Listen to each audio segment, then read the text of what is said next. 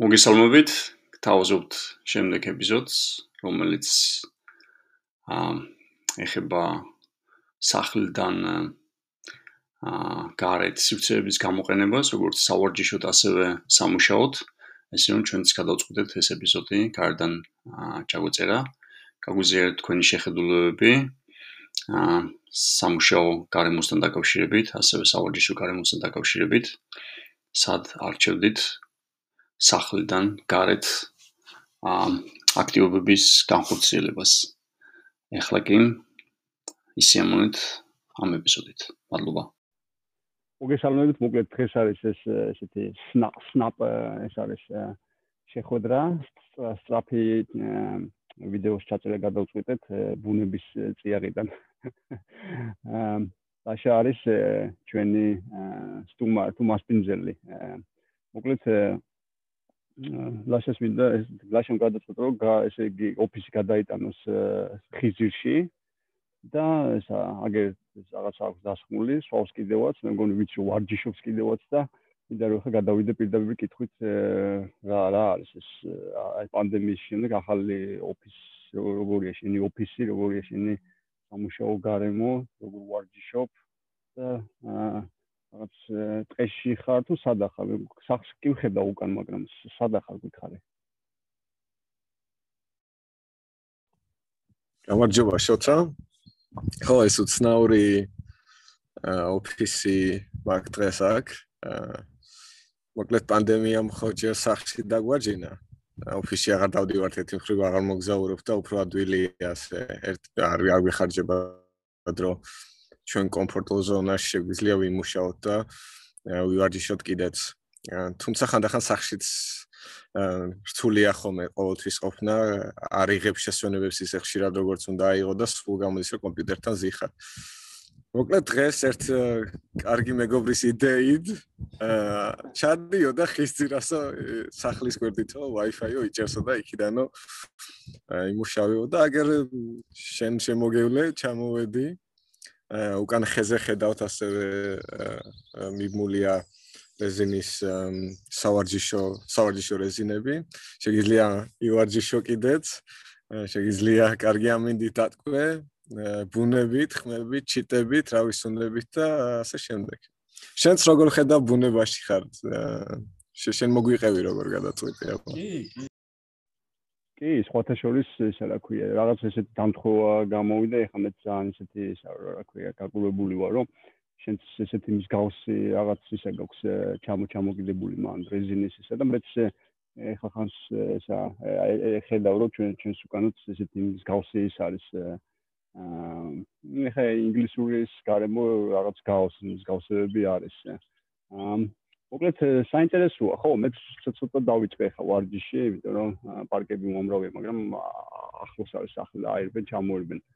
აა მოკლედ როგორ გრძნობ თავს? ფიქრობ, რომ ეს რაღაც საინტერესო მოდელი იქნება ადამიანებმა დაუშვათ ახლოს ვისაც აქვს მწვანე.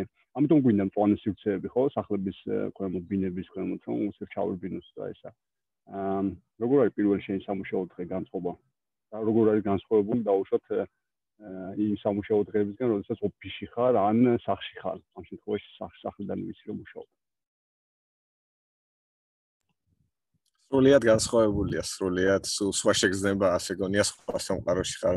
მოკლედ გარეთ რო ხარ, ჭამაც უფრო გემრიელია, ვარჯიშიც მუშაობაც უფრო კარგია. რაღაცა ერთ ადგილას არ ხარ მიჯაჭული, ბევრი რამე ხდება. მიუხედავად იმისა, რომ უფრო მეტი ხმა აგარეთ, ეს ხმა რაღაცნაირად გეხმარება იმის მაგივრად, რომ ხელი შეგიშალოს. აა თქმა უნდა, წვიმაში ცოტა რთული იქნება, თუ გადახურული გაქვთ, მაშინ ეს უფრო უკეთესი იქნება. მაგრამ როცა მზია, ჩემი აზრით ეს ძალიან კარგი საშუალება. სამწუხაროა, რომ ბევრ ბევრ ადგილებში არაა სიმწვანეები, განსაკუთრებით კორპუსებთან, ვერ ჩამოხვალ და ასე ვერ იმუშავებ, Wi-Fi-ც უნდა გქონდეს, ან სხვანაირი ინტერნეტი უნდა გქონდეს ჩართული. აა მაგრამ ვისაც აქვს, ალბათ უნდა გამოიყენოს ეს საშუალება. ვისაც არ აქვს კიდე, უნდა იბრძოლოს რაღაცა გაერთიანდეს იმისთვის, რომ მწვანე სივრცეები მათ ირგვლივ თუ არ არის შექმნან თვითონ მაინც თუ ამას სახელმწიფო საკუთარ თავზე არ იღებს. შენ შენთვის რა მნიშვნელობა აქვს მწვანე სივრცესა? ახთან. აა სუპერ, ძალიან საინტერესო რაღაცები აღნიშნე, იმიტომ რომ ამ პერიოდში მართლაც აა პირველი რომ ფაქტიურად აა ესე იგი იმ სივრცეებს რომელშიც დაქჩეული ვიყავით დაუშვათ ხო მუშაობას, როდესაც დაუშვათ სახლიდან მუშაობდით კიდევაც კონდა ესეთ შესაძლებლობა. გავდიოდით ხო კაფეებში, გავდიოდით რაღაც დაუშვათ სხვა სხვა სივრცეებს, სადაც თავისუფლად იქ ვიცოდით რომ Wi-Fi იყო დაუშვათ ესეთ შესაძლებლობა იყო და ეხლა რაც აღნიშნე შენ ძალიან საინტერესოა რომ ესე იგი აა პირველი სივრცე უნდა გამონახო, სად იქნება ეს სივრცე, იმიტომ რომ ბევრ დაუშვათ დიდ ქალაქებში ეს სივრცეები ცოტა შეზღუდული არის და თუ დაუშვათ პარკში გახვალ, პარკში უკვე Wi-Fi ვეღარ გამოყოფა სახლის Wi-Fi, ხო? და ამიტომ ძალიან საინტერესოა რაც აღნიშნე, რომ პატარა სივრცეები, ხო? როგორც ეხა შენ ხარ, ზიხარ ეხა ქვემოთ სახლის ქვემოთ, ხო? ათ გჭირდება ბევრი დაუშვათ სიარული. აი იმზადებ, მოიმზადებ ყავას, მე მეც ასე ვარ, ესე მოიმზადებ ყავას, ჩამოვიდან დავждები პატარა სივრცე არის ბაღი, ესეთი მწვანე განა ესეთი ისა, შემიძლია გაჩვენოთ კიდევაც ესეთი ისა, სიმწვანეა. და მოკლედ ესა რა ქვია, დაჯდები Wi-Fi იჭერს, რაც ძალიან მაგარია, ანუ დამატებით გადასახადი არ გჭირდება ამაში, დამატებით თუ გადავიხავთ თანხა, ხო?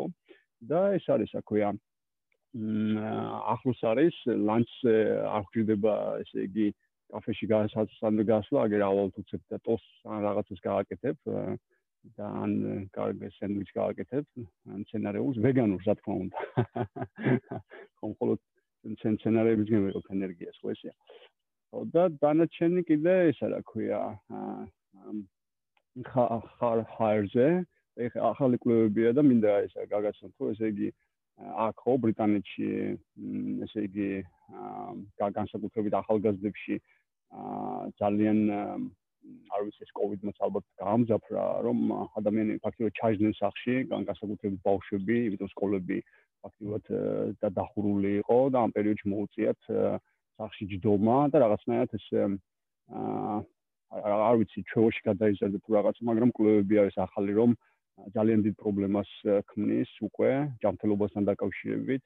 და ამიტომ ეს შეიძლება ახალი გზაც იყოს რომ არამარტო ოფისის დაუშვათ ამოზრდილება არამედ თაობამ ხო ნუნცუსმა თაობამ დაუშვათ ბავშვებმა რაღაცნაირად სასწავლებლებმა ბაღებმა გააკეთონ და შეიტანონ თავიანთ პროგრამების ცვლილება რომ დაუთმონ წაახალისონ ბავშვების ყოფნა გარეთ წვანესიცეებში ასევე ჭამოყვება წვანესიცეში როგორც შენ აღნიშნე უფრო მეტად სასარგებლო არის და კარგი არის ამ ასევე სოციალიზაციისთვის მოკლედ როგორ ფიქრობ გეყო რამდენი ეს რა ქვია ადამიანი დაუშვათ თუ თუ ფიქრობ რომ შენი მაცხოვრებლები ირგვლივ მაცხოვრებლები შემოგიერთდებიან და რაღაცა სოციალიზაციის ნაწილიც იქნება? აა ვიცი რომ მეზობლების გაცნობა ადვილი არ არის ხოლმე მაგრამ ეს როგორ ფიქრობ ეს თუ არის გზა იმის რომ ახლობ მეზობლები გაიცნო კი, ალბათ არის, იმიტომ რომ ხანდახან ასეთი უცნაური ნაბიჯების გადადგმა რთულია, იმიტომ რომ ფიქრობ სხვა რა სიტყვის ხალხი დამცინებს, მაგალითად სასაცილო ვიქნები ასე და ხშირად როცა დაინახო რომ სხვა გააკეთა, მე ასეთ რაღაცა ნაბიჯის გადადგმა უფრო გიადვილდება. თან ირგვლივ გვერდით ვიღაცა ჩაევლის განსაკუთრებულად როცა რამე უცნაურს აკეთებ ადვილია მე კონტაქტში შესვლა, იმიტომ რომ შენ გააკეთებ კომენტარს ან ის გააკეთებ და ამ ხრივ უფრო ალბათ ადვილი იქნება უცხოსთან კონტაქტში შესვლა, ვიდრე ქუჩაში ან ჩიოლებრივად ახლა რო ვიჯდი აქ არ მუშაობდე, ვიღაცა რო ჩაიარს, უბრალოდ ჩაიარს ფიქრობს რომ ისვენებ, მაგრამ როცა ლეპტოპიც იხარ და რაღაცნაირად მუშაობთან, ეს უფრო ის მომენტია რა, უფრო იწევს ადამიანს, გაკვირდება და რაღაცის თქმა უნდა, რაღაცა სეტყვი გავღიმებთ ერთმანეთს, ალბათ ასე უფრო დაიწყება ურთიერთობა. წასვლის წინ მაინტერესებს ახლა დრო გვეწურება ჩვენ და აა ირგვლივ რო გვაჩვენო მაინც, შენ შენ სირგლივ რა ხდება კამერაში მეც გაჩვენე სად ვარ როგორ ვარ. მოგე ჩვენ ახლა პატარა ისეთი ისა გვაქვს ჩელენჯი გამოწვევა ჩვენი მაყურებლისთვის ჩვენ ესე იგი ტექნიკურად შევძელით ისე რომ ეს სივრცე გავაერთიანოთ, ეს ვირტუალური სივრცე გავაერთიანოთ ფიზიკურ სივრცეში, მედალაშამ. ეხლა გაჩვენებთ და ამით დავასრულებთ. მედალაშა ეხლა ორივე მივალთ ჩვენ ჩვენ ხესთან და ორივე გამოვჭიმავთ რეზინას. აა აა ლაშამზად ხარ ამისთვის. და თქვენ კი აა დაგიტოვებთ იმ შეკითხვას ჩვენ ეს ვირტუალური სივრცე, როგორ შეიძლება ადამიანები ერთ ვირტუალურ სივრციდან აღმოჩნდნენ რეალურ სივრცეში.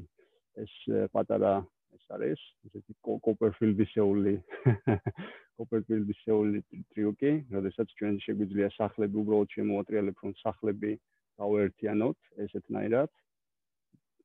და ეხლა კი ჩვენ გადავინაცვლებთ და ორივე გამოვჭიმოთ ხეზე ჩამოკიდებულ ჩვენ ჩვენს რეზინებს. ლაშემზად ხარ?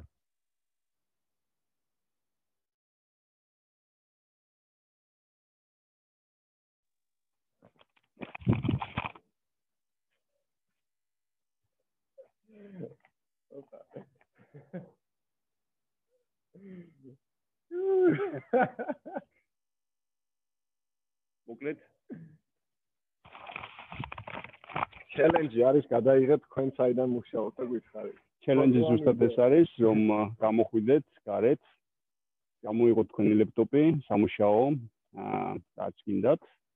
აა და ასევე ჩამოკიდოთ თქვენს ახლო ეზოში ყოფ ხესთან ესეთი გამოსაჭიმი რეჟიმები რეზინები და თან ყავა მოიმზადოთ და თან გაერთოთ, თან იმუშაოთ და თუ გაატაროთ ესე რომ ყველაფერი შესაძლებელია ვირტუალურ სივრცეში აღმოჩენის დროს შეიძლება სასწაულებით სასწაულებით ესე რომ აბა დროებით